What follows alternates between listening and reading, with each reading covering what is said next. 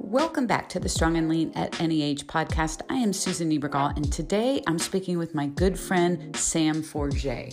If you do not follow Sam over on Instagram, please go follow him at Coach Sam Forget.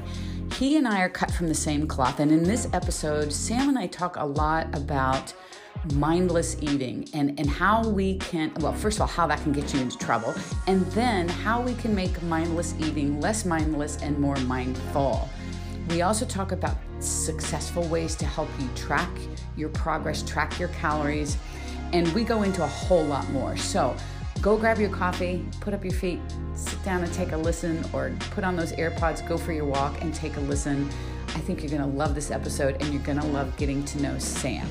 Let's get to it.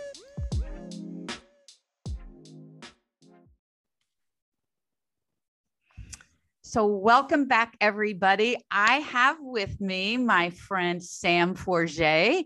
Sam and I did a podcast together. How long has it been? Like a month ago, right? Something like that? Yeah, close to a month ago now. Yeah. About a month ago. So, and we had the best time doing that podcast. Um, and Sam and I have been like connected via Instagram, like all of us are, right? I mean, there's, we all are Instagram friends or online friends. And, um, we just hit it off. And I really wanted to bring Sam on here because I felt like, and you and I were just talking about this off off line here, that um, we have a lot in common. We approach things a lot the same way. And I just want everyone to get to know who you are and what you do. Um, so if you wouldn't mind, just take a second letting everybody know a little bit about you. Let's just start right in with that. Sure. Yeah. Well, I appreciate you having me on, first of, of all. Course. And for a little bit of context in terms of the backstory, I was very fortunate in that mm. I knew health and fitness was going to be my career path from an extremely young age. I had a dad who was, have a dad, I should say, who is an avid weightlifter. So every single night he gets home from work, he just retreats down to the basement and he's doing squats and bench and deadlifts. So, oh. um, eight, nine years old, and I'm around that. I just think that's normal that every parent deadlifts after work every night. Oh so, my, I didn't know that. Yeah. So it was fairly easy for me in terms of, and that's not to sound like, you know, whatever about it, but I just get desensitized to like, this is just how people operate. Mm-hmm. And then on the nutritional side of things, I was fortunate in that my mother, she didn't have any like strict food rules for us, but she didn't bring home chips and soda and ice cream and cake and candy every day because we would have eaten it all every single day. Mm-hmm. I have a twin brother. Whenever she brought home, we would just fight over and eat as quickly as possible. Um, but yeah, I was I was fortunate that in that my health and fitness was just kind of a thing for me early on, and I would say by middle school, there was no other path in my head. I just knew this is what feels good for me. This is what I want to help other people with. I didn't know at 13 or 14 what that actually looked like yet and how many different ways you could help people. But I did know early on this is what I wanted to do. Um, so, so at that age, were you in, you know, were you working out with your dad or how did, how was that? Yeah, so I was working out initially with my dad, and um, he was very smart about it. I wasn't doing heavy deadlifts at nine years old, but yeah. I was around it and was more just like testing the things my dad was doing. Mm-hmm. And like he would do push-ups and I'd sit on his back. So that was my intro to weighted push-ups. So there yeah, were little yeah, things like that. And then I would say by middle school is when I started lifting consistently. And for me, at a young age, I think like a lot of kids, it was about sports. It was I want to dunk a basketball. I want to throw a baseball a little bit harder. So that's when I started to take it a little bit more seriously, but it was mostly for athletics, which is nothing close to what I do now. But yeah, that was that was the initial exposure to it. What was your sport? Basketball. I think like any kid I did a little bit of everything, but eventually all of my training, all of the nutritional protocols I followed, absolutely everything revolved around basketball. Um, and you know, that's what I took super seriously at the time when did you start like training? Like, well, well, when did you start figuring out like, okay, this is this is the job path for me? I would say when I started getting more educated on the different directions you could go. I think mm-hmm. everyone kind of knows what a personal trainer is. Like, oh, you mm-hmm. help people work out and you have a clipboard and you count yeah. people's reps. And like that's what I thought. yeah. And you would see that. But I was going to gyms by 13 or 14. My dad's signing a waiver half the time, but I was going to gyms at 13 or 14. And I would basically approach people who looked like they knew what they were doing. So whether it was a chiropractor, whether it ended up being a registered dietitian, just these other people who looked like they had a clue, started getting more of a taste for, oh, these are the different ways that you can actually help people. These are the different career paths. And honestly, by the middle of high school, I was already looking into how to actually get certified as a personal trainer because mm. I was training people in high school. I was terrible. I made people do wall sits and foot fires as punishments. I did a lot yeah. of dumb stuff, but I was doing sessions by high school. So that's when I started looking at, all right, what are the different certifications? How can I go to school for this, which I ended up doing. I did study exercise science um, and kind of took it from there. Oh, wow. So, so you did go to, to college and, and major in a related field of study.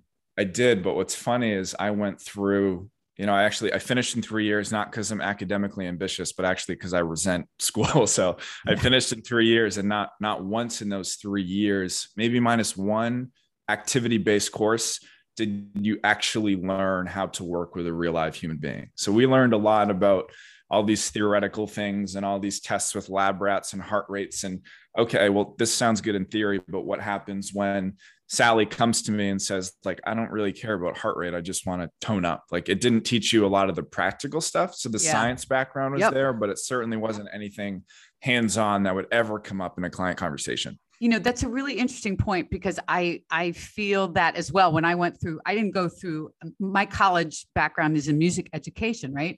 Um, but my certification for for being a trainer i felt the same way. And and i also feel the same way. When i was in school getting my master's degree in counseling the same thing. It was all about counseling theories which i never applied ever in a scenario, not one. Interesting. I took a class into my counseling degree um, that was basically how to schedule kids um, in in high school, like how to create schedules for them based on their academic levels or whatever. And I'm like, this is what's practical. Like I'm gonna have to go into a school if I t- if I'm a counselor at a high school or even a middle school where I ended up. I need to learn how to do that. Like, I don't care about four or five theories of counseling. It, it didn't help. And it's interesting, it applies the same here. There's, which also brings us to, and, and I know I, I say this a lot, and I know Jordan says this a lot too, is that is you, you cannot find better info or practical experience than actually hands-on, you know, than than getting in there and dealing with people, you know? Yeah, it's impossible to beat that because there were certain things, even as I learned like effective programming and higher level stuff with that where I would write what I thought was the most perfect program. I'm sitting here at 17 years old, like this is, you know, linear periodization and we're going to deload and we're going to do this. But what deloads don't take into account is that the average person misses workouts all the time. So although on paper it may make sense to deload every six to 12 weeks, most people are so inconsistent that they can actually stick to a program much longer. Yeah. Or I may give a client who's really nervous in the gym, unbeknownst to me, uh, a superset or a circuit that requires them to get on the ground and off the ground, but there's no way in hell they're going to get on the ground for an exercise when they're in a super busy gym with people looking at them. So they're just going to skip that exercise and tell yeah. me they did it. And that's not something you'll find in an exercise science textbook programming for people with gym intimidation. That's not a thing. No. So it wasn't until actually making a lot of mistakes, truthfully, with people early on doing a lot more hands-on stuff. I eventually actually transitioned to traveling in-home training. So for 4 or 5 years I was actually driving to my clients' houses, mm-hmm. bringing equipment into the home. Been there, done that. that stuff. Yeah, you've yep. done that as well. I've done that as well. I worked with a training company and that's kind of what they did and they would send us to various people's houses. Sometimes I brought stuff with me, sometimes they had stuff, you know. Um, it just it, it just depends. Um, so yeah, been there, done that with a car full of stuff. Mm-hmm. it makes such a big difference with the totally online side of things because there are times a client might submit a form video, and truthfully, it's generally not a very good video in terms of the angle, and half of them is cropped out. But based on our in-person experience, we can then look at that video and say, based on what I am seeing, I can assume what's happening off the screen. Maybe you're pulling your head up too far in an RDL. Mm-hmm. Maybe mm-hmm. your landing isn't soft enough on mm-hmm. a box jump. So that in-person base certainly has allowed and continues to allow for a little bit more effective troubleshooting with the real hands-on stuff online. Yeah. Yeah. So so how how how did that evolve into your business?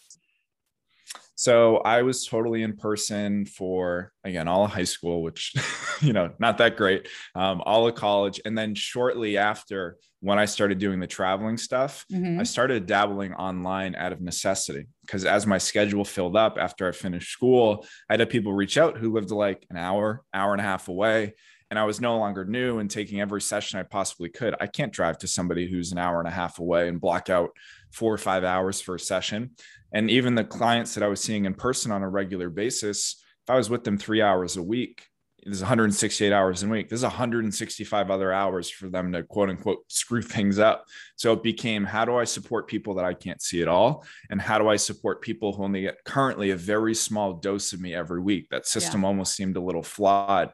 So the online stuff, I never woke up and said, like, I want to be an online coach or trainer. I just started reviewing people's MyFitnessPals after I left the session or sending them advice if I could never see them in person and reviewing form videos. Over time, I obviously built out systems and actually the, the catalyst for this, and I've said this to Jordan before, is he ran, I think it was like a $20 webinar, maybe six years ago, how to be an online trainer, where it was like a screen record where he showed his to-do lists and how he structures his day. Yep. and that's yep. around the time maybe in 2015 2016 where i started saying all right i have this super messy system for online support and check-ins and programming. Let me dial things in a little bit. So yeah it was around that time where things dialed in and i was gearing up for a move out of state. I grew up in massachusetts and i was actually moving to miami. So kind of out of necessity i was like i really got to find a way to go totally online. Prior to this move so i maintain my client base and then i made that full transition yeah, that's that's amazing. And you've been um, doing it ever since. Yeah, everything has been. I I do the occasional one-off session, and mm-hmm. earlier this calendar year, and we might get into this later, because of a lot of the pandemic stuff. When I found that people were struggling with more anyway, I niched mm-hmm. down pretty much exclusively to nutrition, lifestyle coaching, a little less to the programming stuff now. But um, as a whole, yeah, everything has been totally online since then, and whatever that was, 2016, 2017. What do you feel like um, if we focus on nutrition? What do you feel like are are just people in general their their biggest obstacle with nutrition? Like, why do you think that that is so hard for people? to wrap their brain around and or to be successful at or not to feel overwhelmed at or whatever I would say that 95% of people are shooting themselves in the foot before they even start whether it's with an aggressively low calorie goal, whether it's with absurd expectations, whether it's to no faults of their own, a lack of education about what's actually required. So, a lot of times, the effort, the intensity, everything is there. It's just a matter of it not being refined enough to produce a high yield on the, you know, with those efforts. So in most cases, I don't think it's for like a lack of effort or a lack of intentions. It's just, it's just not directed to the right place. And when people refine that, that's when they start to get that ROI and things become a little bit easier. But yeah, whether it's just a lack of education or direction, most people start off in a position where they have next to no chance to succeed. Oh, agree 100%. And people in my age bracket, man, we grew up believing crazy crap. I mean, just, uh, you know, if the quote knowledge that we had back in the day was so flawed, um, but that's what we knew, right? And so, what I find with now is is, is that middle-aged women in particular, because that's who I deal with primarily, um, really have a difficult time, you know, kind of getting rid of those old mindsets you know and and we could talk about anything like having to basically eat nothing to lose weight you know the whole thousand calorie kind of thing. Um, being one thing like you have to really suffer almost to lose weight you know it like if you don't if there's not a level of suffering man you ain't doing it yeah, it almost seems too good to be true if somebody signs up and we say, oh, 2,100 calories is your deficit. And it's okay if you have wine Saturday night with your husband. It's like, yeah. wait a minute. That doesn't feel like a diet. It doesn't necessarily have to feel that horrible. It shouldn't feel that horrible. It shouldn't. And it's so interesting. It's so interesting you mentioned that because whenever I, I talk to somebody about calories and we kind of go through what a number of calories might be for them, a nice modest deficit depending on a lot of things for them. But like if, if you say anything like 2000 or higher, it's like, oh, whoa, wait a minute. That sounds like a lot. And I, I'm like, you know what? You could go out for dinner tonight and polish that off without batting an eye. I mean, and and and I guess people think that sounds like a lot, because they are so used to struggling with the bare minimum, not being able to do it and sustain it, and then just constantly, you know, spinning their wheels. Big time. Something I always say is that most people can lose weight eating far more calories than they think but most people also eat far more calories than they think. Yeah. So you say 2000 or 2100 calories, we go, that's outrageous, not realizing that at their current body weight, you know, you know, age, height, weight, gender, all that jazz, their maintenance calories might actually be 2,700. So mm-hmm. on average, that's what they're doing anyway. Right. But obviously, you have to get more in tune with the numbers to know that. So that's where I feel like education plays such a big role of like, hey, just so you're aware, this is generally how much you're eating anyway. So 2,100 for this, you know, hypothetical example is actually fewer calories than you're used to. And to speak to what you were saying about a lot of women in say their 50s or 60s, which is actually a big part of my demographic as well I always challenge people to look at facts over feelings. And that's not to make the process not have a human element or anything like that. But you feel like 2100 calories isn't low enough to lose weight. Well, just please try it. Give me three weeks, four weeks, five weeks, six weeks, whatever, which is still a very short period of time. And if you don't see your body weight averages going down and you're tracking accurately, yeah, maybe we can modify something. But 11 times out of 10, if somebody does track accurately, they're like, oh my God, like this is great. I can i can have bagels i can have wine i can have chocolate after dinner in moderation easily fit it into these calories and still make progress. And then that's where those facts reinforce that okay the things i've believed for years maybe decades aren't necessarily true. And that's such a freeing feeling. Oh my gosh yeah. It, it's like your life can change with that. Seriously. I mean it certainly could. And you know it's interesting because i, I think people um, related to all of this is not understanding about scale fluctuations. And I think you and I may have talked about this on your podcast um, from the perspective of, you know, my crew, my generation, man, we knew nothing about um, uh, scale fluctuations. We didn't know a thing. You know, it went up, that's bad. And it went down, that was good. That was it, you know, and we had to step on those scales at the doctor's office with the big bars, you know, that they move and that balance oh, arm oh, yeah. that was just god awful. And they kept moving it. And you're like, you're screaming, stop moving it, stop moving it, you know, and and it probably wasn't calibrated very well anyway because so many people step on it. But we didn't know any of this, and I think not understanding that okay, that person that's coming from eating so few calories and trusting, okay, I'm going to give this 2100 if we use that as the example, um, a, a, go here, not understanding that, okay, the scale may pop up a little bit when you first start that and what that is and what it is not. Do you see a lot of that? Oh, absolutely. I'll have my clients weigh in daily. And to touch upon that briefly, a lot of times, although occasionally appropriate, a lot of times when people experience scale stress and the advice they're given is like, screw the scale, smash it with a hammer, that can be a little bit of a band aid. I feel as though educating people on what why these fluctuations are happening. It could be gut content, it could be, you know, hydration, yesterday's workout, it could be high sodium, could be your menstrual cycle. So many things that are not weight gain and loss, especially in a very micro period of a couple of days. So I do have clients weigh in daily, but as a tool for empowerment, so we can learn to make the scale a little less reactionary, a little less uh, emotionally driven. Yes. But to that point, I tell every single client we're not looking at anything except your weekly body weight averages. And we're only looking at weekly body weight averages long term. I don't care what you weighed Monday versus last Friday. It makes sense that the scale is up. You literally have more food sitting in your stomach from maybe your slightly higher calorie weekend or higher sodium foods. I care about in conjunction with photos, measurements, how you feel, clothing sizes, your weekly body weight average from, say, week three versus week nine. That's when yep. the scale becomes a good tool that's relevant as a as a piece of this entire pie.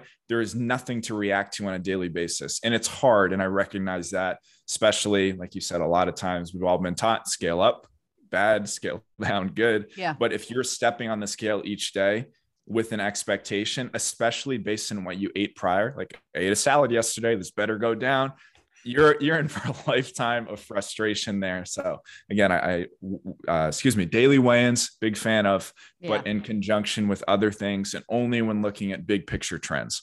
You know, I, I mean, I couldn't agree more. I really feel like weighing daily is key. And and I know a lot of people like to push back and just say, you know, I just it just gives, causes me so much stress and blah, blah, blah the emotion and blah blah blah.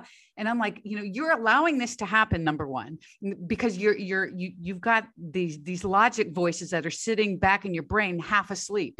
You know, you yep. didn't eat that much last night for the scale to go up like it did in fat, right? It's not just fat as you said, it's content in your stomach still. Maybe you ate some saltier foods, you're holding on to some water. You know, maybe you worked out hard. All those things that could make the scale spike up.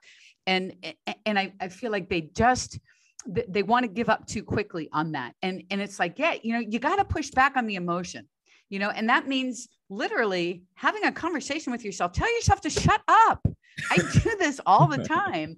And and uh, I I feel like we all need to be better with that because if you the second you allow emotion to dictate what you do and how and and let it consume you like that you're screwed. Oh it's game over. And another way i like to remove emotion and obviously again i'm not saying that i invalidate people's feelings or anything like that. It's simply to challenge people. What would you okay you, you went out with your friend last night. You both got drinks and apps say they texted you this morning saying, Oh my God, I feel so fat, because that's the aggressive language we often hear. I feel so fat. I woke up, the scale is up. Why do I keep blowing my progress? You would never be like, Yeah, you know what? You did get so fat. You keep blowing your progress. That's ridiculous. Like I could barely get that yeah. sentence out. But for whatever reason, when it comes to ourselves, we're super aggressive, super dismissive, super negative. Like you said, Susan, in the back of your head, you have the logic, you have the knowledge to know, no, this is not actual weight gain and to that point, I like to, again, education is a big thing here. To gain a single pound, you need to be in a 3,500 plus calorie surplus. So let's say somebody's maintenance calories are 2,000. If you wanted to gain a pound over the course of a week, that's 2,500 calories a day.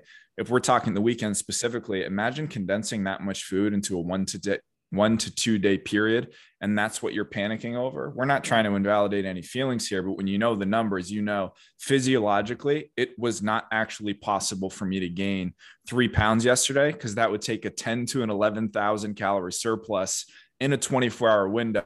And that mm-hmm. although the numbers can be a little intimidating at first it's a relief. Like i know factually here nothing bad really happened yeah I, I totally agree with that. And you know, you sit, you hit on something here that struck a chord with me because I still have to work with this, and that is feeling fat versus actually gaining fat or being fat or whatever, however you want to do it. The feeling of it versus having gained fat.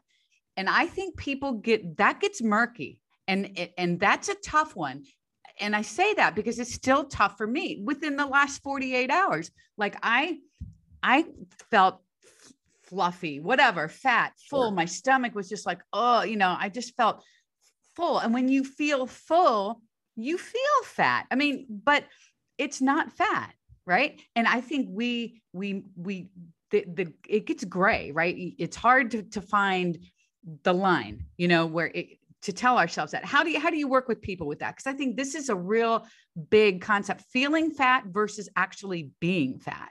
Big time. I always challenge people to it's the expression to zoom out on their journey. Because what happens is if we react extremely quickly and this is the biggest mistake that people make in the scenario when we we react quickly to those feelings of fatness per se it usually comes in the form of an unnecessarily aggressive workout of super negative self talk, of unnecessarily slashing calories, of all of these super, I need to quickly undo whatever I just did type yeah. strategies that not damage only aren't control. effective.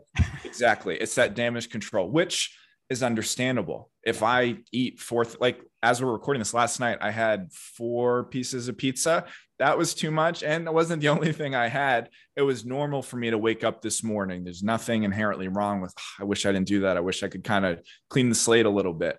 But if you zoom out on your journey, as I was starting to say, and you look back at the last 14,000 times you tried doing damage control and reacting too quickly, none of them served you. Not one time did that 800 calorie day with no carbs or that two hour workout actually put you in a better position physically or mentally. So if I have a client who understandably speaks up and says, Hey, I'm feeling a little off today, That's super valid. Let's ride this wave a little bit. I just want you to sit with that. Obviously, not like twist the knife, but let's focus on maybe some of your recent wins, some other things that you're looking forward to, some healthier action steps. And I promise you in 24, 48, 72 hours, you'll settle a little bit physically, emotionally, and you'll be like, wow, I'm so glad I didn't react to that too quickly.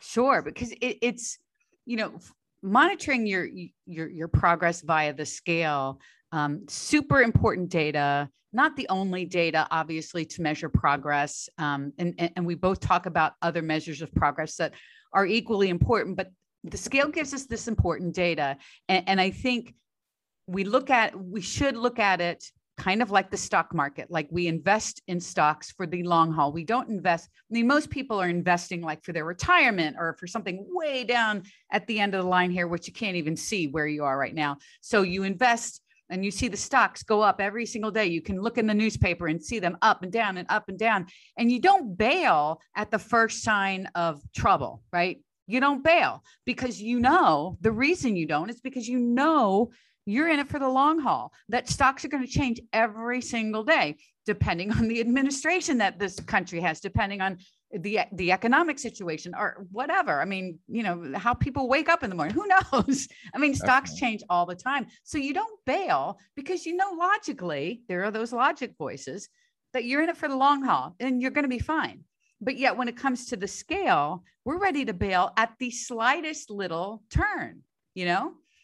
That's such a good analogy because when it comes to stocks specifically and index funds, whatever you're investing in, no matter unless you have inside information, no matter how much you agonize over quarterly reports and projections and trends, and no matter how many things you try to control, what the stock market does the next week, the next month is entirely out of your control. If you keep taking positive action, which in this case is, you know, whatever your investment strategy is, over time, the economy has shown that you will see an ROI if you play the long game. But short term, no matter how perfect you think you are, it is technically out of your control. And believe it or not, I know you know this obviously, the same thing applies to the scale because I could eat nothing but salads all day today. But I had a super hard workout, or let's say I have a super hard workout later tonight, and now my muscles are hanging on to more water. Well, I ate perfectly and I thought I controlled everything to see the scale go down. It may not play nicely tomorrow. So there's literally no point in having an expectation logically when you step on the scale because no matter how perfect you think you are it's still technically out of your control but if you focus on that consistent action just like say a compound interest analogy long term it will generally trend in what i'll loosely call the right direction but as an aside if it doesn't and your measurements are going down, your clothing sizes are going down, if you feel great, if you like what you see in the mirror, who cares? Like it doesn't matter. Well, it, yeah, and that's I love that, especially focusing on what you can control. And from from the weight loss perspective, we we think we can control the scale by how we eat. And I guess in some weird way, I mean, there is that, you know, yeah. obviously you eat less than your body needs, and the scale's going to go down over time, right? so i don't i don't know if i would call that control but that that's kind of a cause and re, a direct relationship right sure yeah but but day to day you can't control i mean I did this experiment once where I stepped on the scale. I just wanted to see within a given day, like what happens. I I was really curious. It's all over the place. You know, it's all over the place. It's crazy, and, and I feel like we focus so much on that that we can't really control, and we should be focusing on the things that are in control like how consistent am i actually really being with following my guidelines my nutrition plan right? How many days out of 30 am i actually hitting my targets um, calories protein whatever 100% like i am 100% certain that i hit them. And that means and this is a great lit- litmus test for people. If you if you think if you're struggling and things aren't moving I tell people do this for 30 days. Hit your, and I just, I usually give people just calories and protein to, to track, right? For, for simple weight loss, right? And I'll say for 30 days, every single day, 30 days in a row, you hit your calories and protein without certain, with certainty, without doubt, 100% of the time. And that means if you go out to eat, you don't know, you don't know how much you ate. You really don't, no matter how much you the, the menu says or whatever. So so now we're going down to something that's not sustainable at all, but a good litmus test to open your eyes to your actual consistency. Because what happens is when people have to zone in that much on all the little loopholes that we don't even think about, all of a sudden we see, oh my God, you know, I'm I, am i am losing weight. I never knew that I was eating this or I was doing that. You know, it's eye opening that is such a good test too and i love that you brought that up susan for people which is honestly most people who say no matter what i do i can't yeah, lose yeah, weight. yeah, i've been eating 1200 calories from no no no really 12, no i swear 1200 calories for months on, on i swear okay and i actually have a little checklist of common tracking mistakes that i'll send clients because that conversation comes up on a weekly basis nobody yes. tracks perfectly all the time and every so often people need a kick in the butt and I always warn people the list may seem a little neurotic at first in terms of weighing your olive oil instead of putting it in a teaspoon or tablespoon.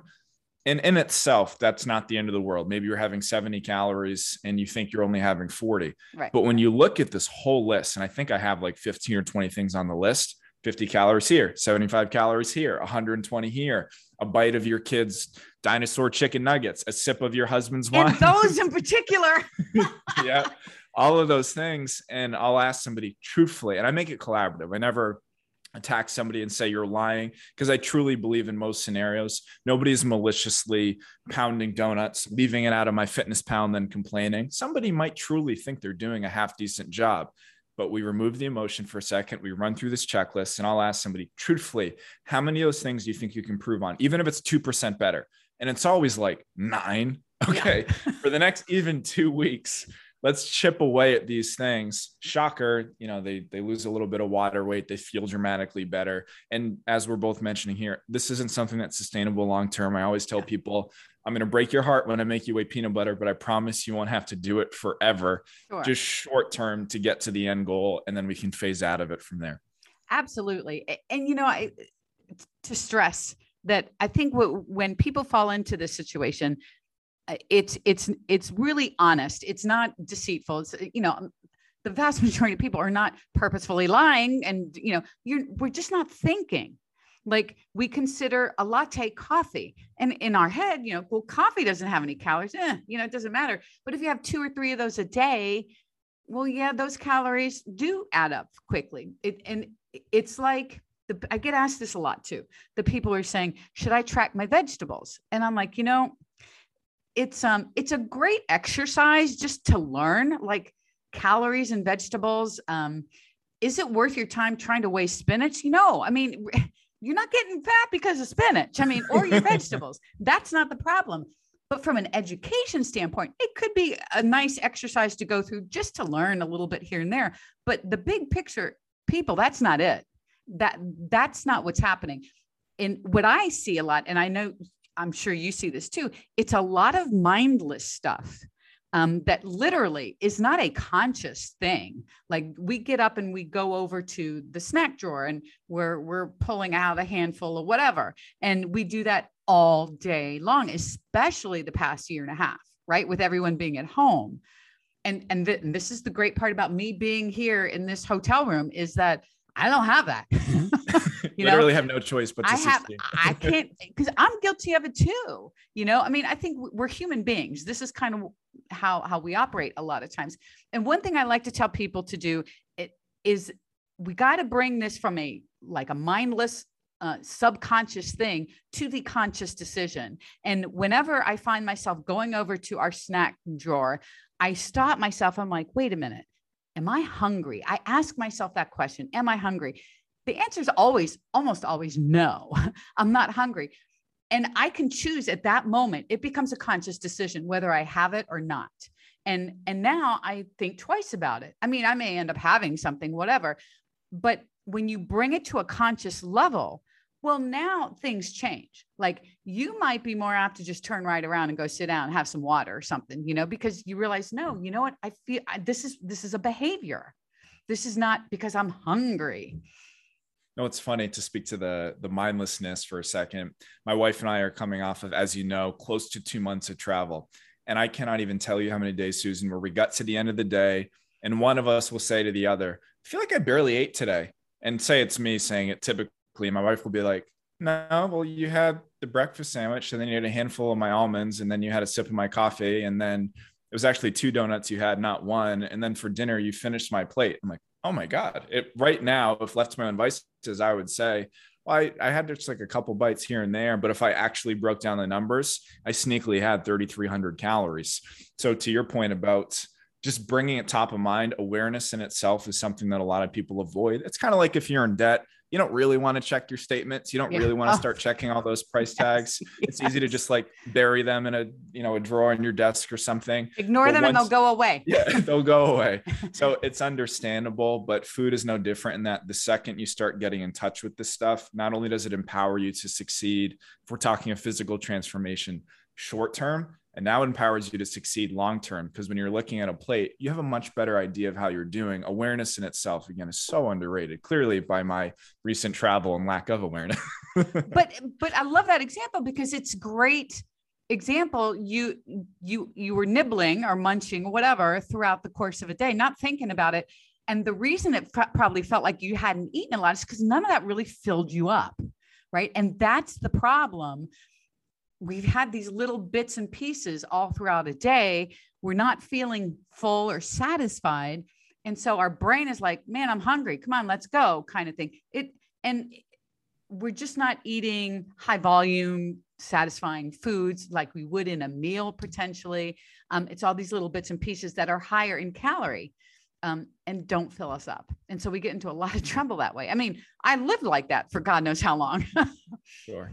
Yeah, I see that most often. I'm sure you do too with women, because yeah. unfortunately, in most cases, women's maintenance calories are lower. So let's say somebody's maintenance calories are 2100. So to lose a pound of fat a week, they're looking at maybe 1600 ish, not a hard rule, 1600 ish calories per day. Well, if you have a handful of almonds on the way out the door, and you have a sip of your daughter's coffee when you're driving, and I say coffee loosely, it's a milkshake with a little caffeine, and you have mm-hmm. a sip mm-hmm. of that, and then they're free bagels at work and you have half of one well guess what? Your 500 calorie deficit just got erased. And i always tell clients i believe you when you say like oh i barely ate today. I believe that from a volume perspective that you didn't have any big satisfying meal that there was not a lot of food in front of you.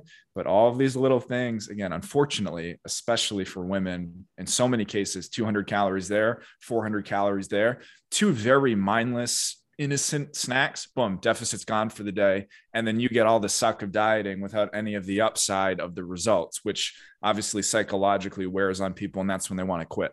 Right. And, and that's where people say, that's where people say, uh, I'm doing everything and nothing is working for me. Right. Um, it's, it's, uh, I just feel this to, I can't even tell you to what degree, because this is where I was too, feeling like you're doing everything right. Um, yet it's these things that are not even on our mind, no matter how much people say, I swear I track everything, everything. Well, there's always a loophole, you know, I and and people often don't want to hear that. Like the, I mean, and maybe even rightly so, defenses, the, the wall goes up, right? Because they are they are up to here. You know, they are they they've tried, they've tried, they've tried. Um, and they feel like they're doing everything that they're supposed to be doing and nothing is working and and how, how do you work with somebody to kind of break down that wall and get them to see where a potential loophole might be i always make it as collaborative as possible especially with new clients who are logging 1100 calories a day and their body weights aren't moving and the measurements aren't moving i'm not going to ever sit there and say well you're clearly eating too much because understandably they're like they're subconscious. They just want to reject that. I mm-hmm. feel embarrassed mm-hmm. here. I feel like i'm doing something mm-hmm. wrong. So when we make it almost this third party collaborative thing like all right susan let's team up on this. So let me kind of break down the numbers for you. This is probably about how many calories you're missing from your log take me through your day let's figure mm-hmm. out together and when somebody feels like it's their own idea or own realization like oh it could definitely be that they're much more likely to have buy-in get on board because it feels like you and i are going to team up almost as detectives here we're going to yeah. figure out what's going on as a team and then obviously as the coach you can hold that person accountable to the process but anytime you can make it this external third party almost fact finding mission rather than this personal attack on somebody's honesty which is what it can feel like yeah. especially in the online fitness space people tend to ask these very personal questions very publicly you know they'll comment on somebody's page and they'll give their whole life story. I've eating a thousand calories and my metabolism messed up. And somebody just sits there and goes, Well, you're eating too much. You're just not being honest and that creates all this internal turmoil. So with a client it's always external it's always collaborative and then we come up with the solution together. You know i love that. I love that and i couldn't agree more. I, I feel like even in online space you know with typing everything you know people read tone into text and oh yeah. it can, and you could be you know innocently putting something out a comment out there and somebody takes it completely in a different direction. You're like whoa i don't even know where you're going with that you know? Um I, one thing I like to do is ha- to ask people to tell me one thing that they're doing really well with nutrition. I always like to start with that. And then I like to ask, ask them, tell me what one thing about nutrition that you feel like you could improve upon, one thing you feel like. And that can often be the open door. You know, uh, it may not be the thing, but it certainly could lead you to something else that could invariably be the the the issue.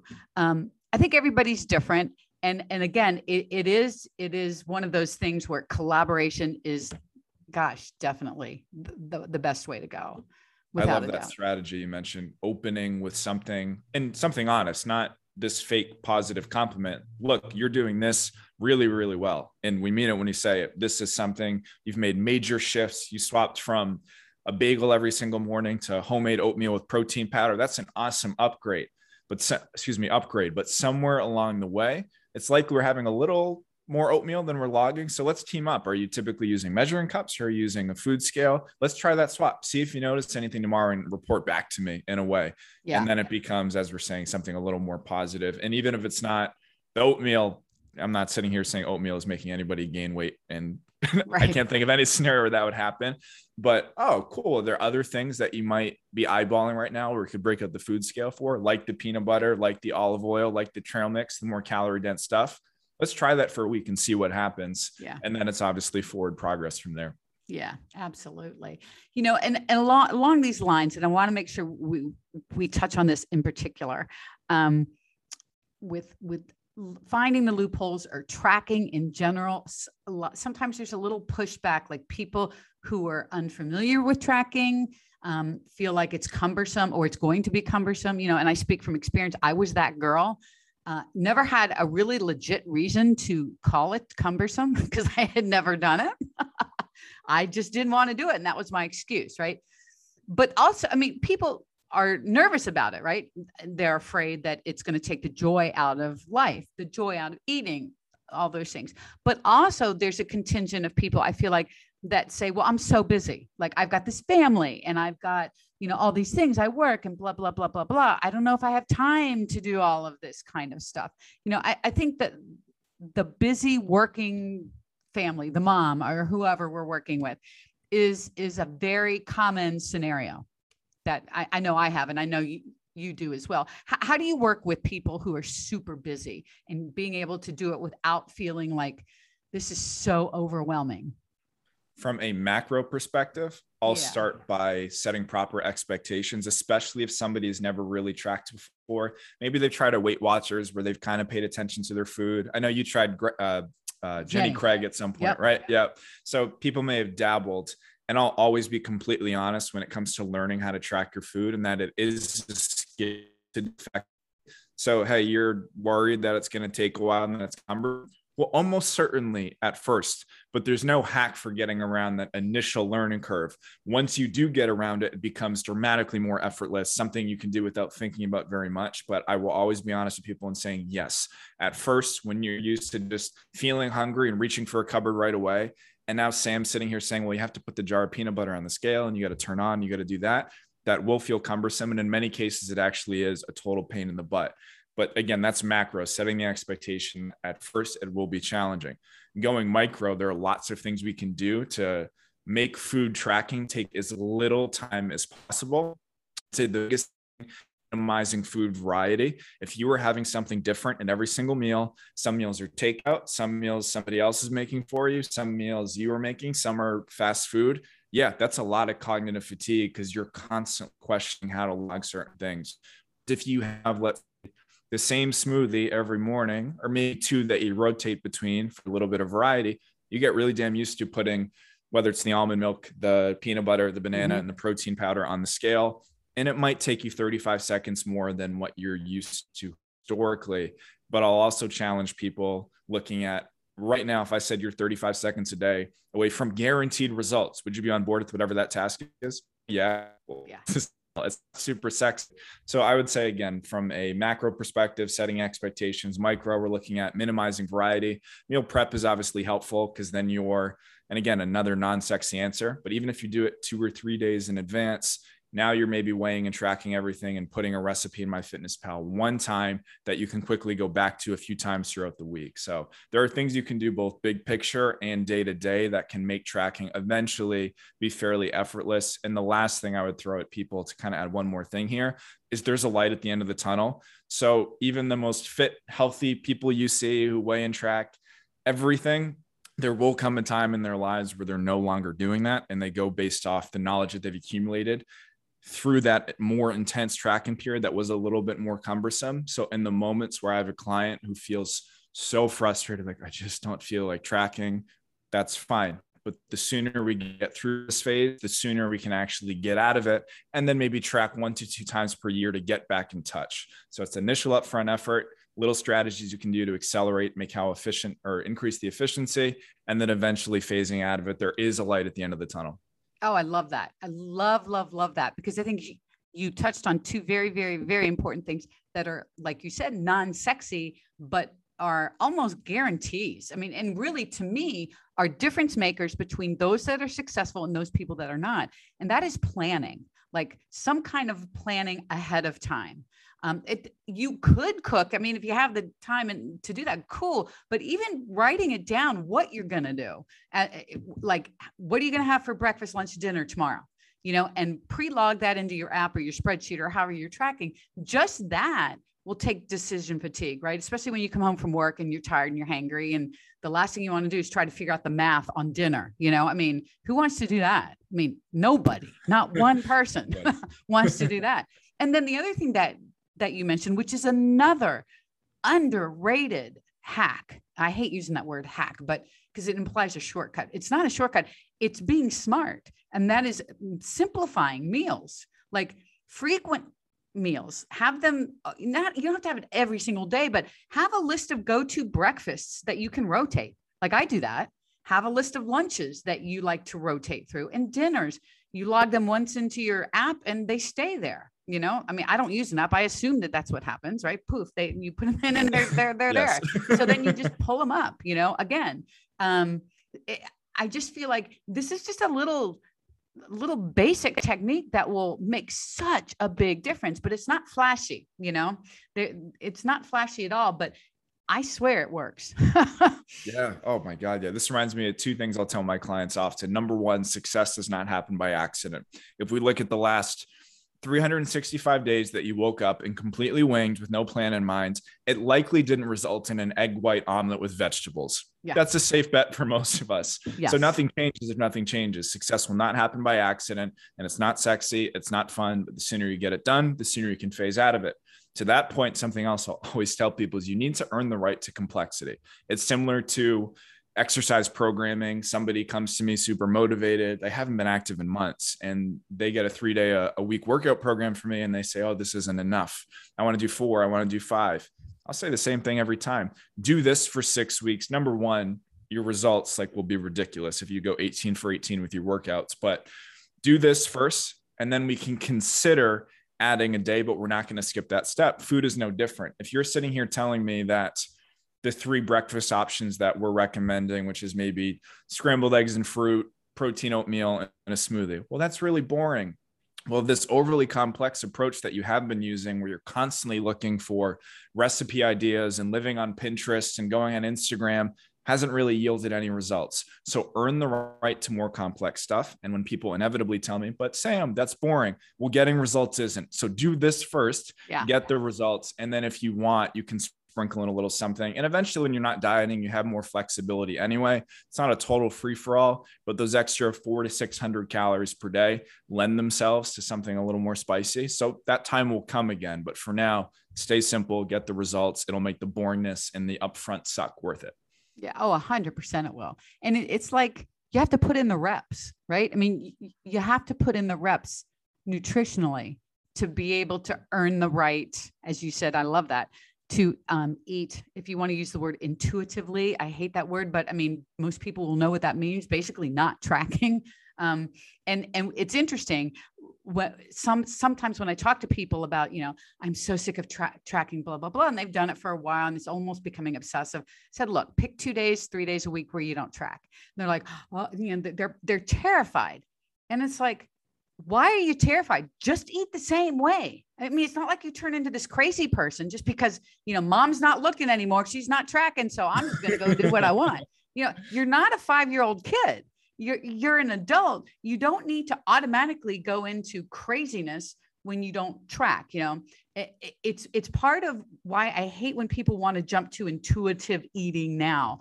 They don't know enough yet. It's an advanced skill you know it, it really is an advanced skill that you learn about by as you were talking about practicing and putting in the reps and being able to do it not forever. I mean i haven't tracked a calorie in i don't know 6 years 5 years something like that. You know and that's also including going into a 6 month surplus. I didn't track during that and i didn't have to because i know how to eat in maintenance so i picked 4 days during the week where i ate a little more That's it. Let me ask you this, Susan. How many years or months did you track diligently? Oh, years, before? several years. years. Yeah. yeah. years. And and I don't. And some people may not even have to do it that long, right? I, I just I was in and out and and for a total amount of time. But you ha- you're right. You have to put in time and really learn portions and calories, protein, and learn about you and your body and and what works best for you. You know. Um, yeah the, you never can get around put having to put in reps i don't think ever. Definitely not. And two of the most underrated reasons or kind of scenarios to be tracking are not actually fat loss related. I think a lot of people get in the habit of associating some sort of semblance of control when they're using say my fitness pal or writing everything down. When i do this i lose fat. When i don't do this i gain the fat back. So two things that people are again two scenarios that people can continue to track with this tremendous upside tracking are during maintenance phases say you have a I, I don't like goal weights but a general idea of where you want to end up mm-hmm. body comp wise and you get there it doesn't turn into a free for all what i actually recommend next is going into a maintenance phase where you're continuing to track so you can get familiar with what your maintenance calories look like on a plate. The same way you got familiar with what your deficit calories looked like on a plate yep. when you were in a calorie deficit and looking to lose fat. So that's one thing. I would say tracking during a maintenance phase so you feel more empowered to maintain without the tracking.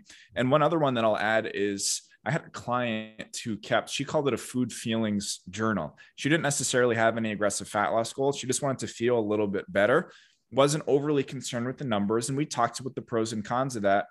But what she ended up doing was tracking every single thing she ate and writing down just detailed, almost journaling about how she felt after each meal. So this theoretically, whether it's I don't know, we'll use the oatmeal example in the morning, should be healthy on paper and it's nutrient dense. Mm-hmm. But I feel really bloated when I personally have that. So that empowered her to make a different decision. I love Same thing. That. She'd get to lunch, she'd get to dinner, or at the end of the day, I noticed I grazed a little bit more today, and I never actually felt satisfied and i often felt like a little bit low energy. So looking at the the feeling side of things as well and obviously you earn the right to that. You can't s- skip the numerical step. But yeah i'd say that's two other scenarios where tracking has tremendous upside that people never really put themselves through is what maintenance actually looks like and tracking how you feel just having some sort of documentation about that. I love that.